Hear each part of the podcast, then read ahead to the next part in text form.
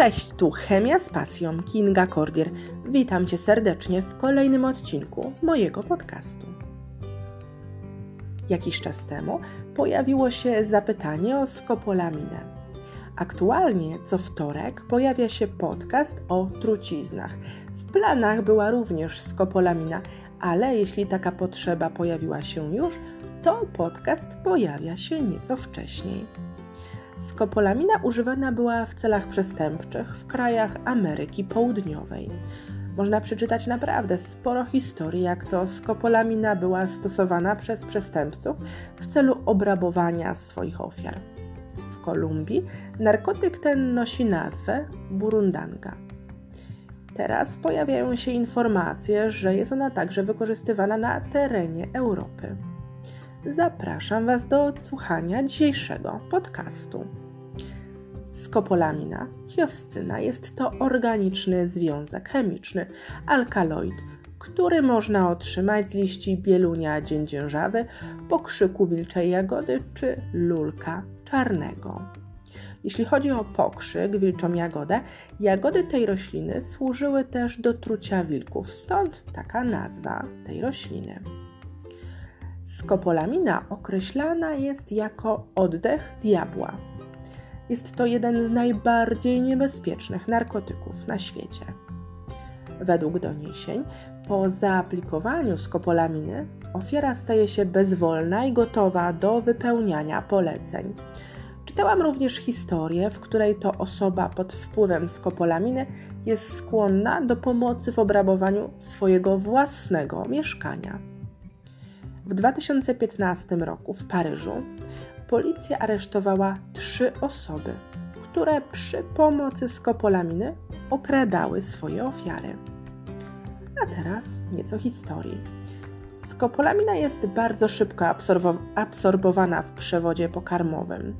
Dawniej używana była w celach medycznych, m.in. na stany zapalne, reumatyzm, dnę moczanową, ale też do przygotowywania halucynogennych wywarów i trucizn. Zapisy historyczne wskazują, że skopolaminę używano, by żywcem grzebać nałożnice kolumbijskie po śmierci ich pana. Po spożyciu skopolaminy bez oporu wchodziły one do grobowych komnat. Prawdziwy oddech diabła. W USA stosowano skopolaminę w celu leczenia uzależnienia od kokainy. Podejmowane są badania w celu wykorzystania skopolaminy w leczeniu choroby Alzheimera. W medycynie skopolamina używana jest w postaci bromowodorku lub bromku N-butyloskopolaminy, przykład preparat skopolan. A co to takiego zombie drug?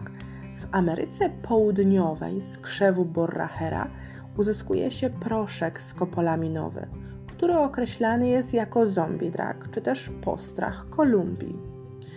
Wykorzystywany przez członków sekty voodoo.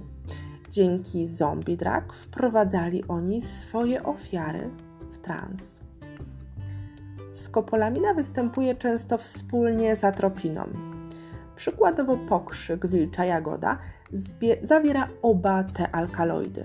Okazało się, że wkroplenie soku z jagód do oczu powodowało rozszerzenie źrenic. Dlatego stosowane to było przez kobiety w renesansie. Pokrzyk wilczą jagodę nazwano belladonna, ponieważ kobiety wydawały się piękniejsze. Jagody belladony były też stosowane przez trucicieli Liwię i Agrypinę, żony cesarza Augusta i Klaudiusza. Złożone preparaty zawierające skopolaminę stosowane są w trakcie szkoleń w warunkach zmiennej grawitacji. Zdaniem badaczy z Narodowej Agencji Aeronautyki i Przestrzeni Kosmicznej NASA, skopolamina w połączeniu z dekstroamfetaminą pozwala zmniejszyć objawy choroby lokomocyjnej o 15%. Naukowcy testowali jej działanie w środowisku zmniejszonej grawitacji. Przejdźmy teraz do tego, co najważniejsze, co najistotniejsze. Skopolamina działa porażająco na ośrodkowy układ nerwowy. Powoduje dezorientację i otępienie. Pojawia się pobudzenie bądź też senność, halucynacje, zawroty głowy. Jak długo działa narkotyk?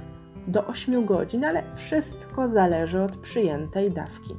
Przedawkowanie może prowadzić do wystąpienia delirium, ale też zgonu. Po spożyciu skopolaminy ofiara staje się pozbawiona własnej woli, pamięci.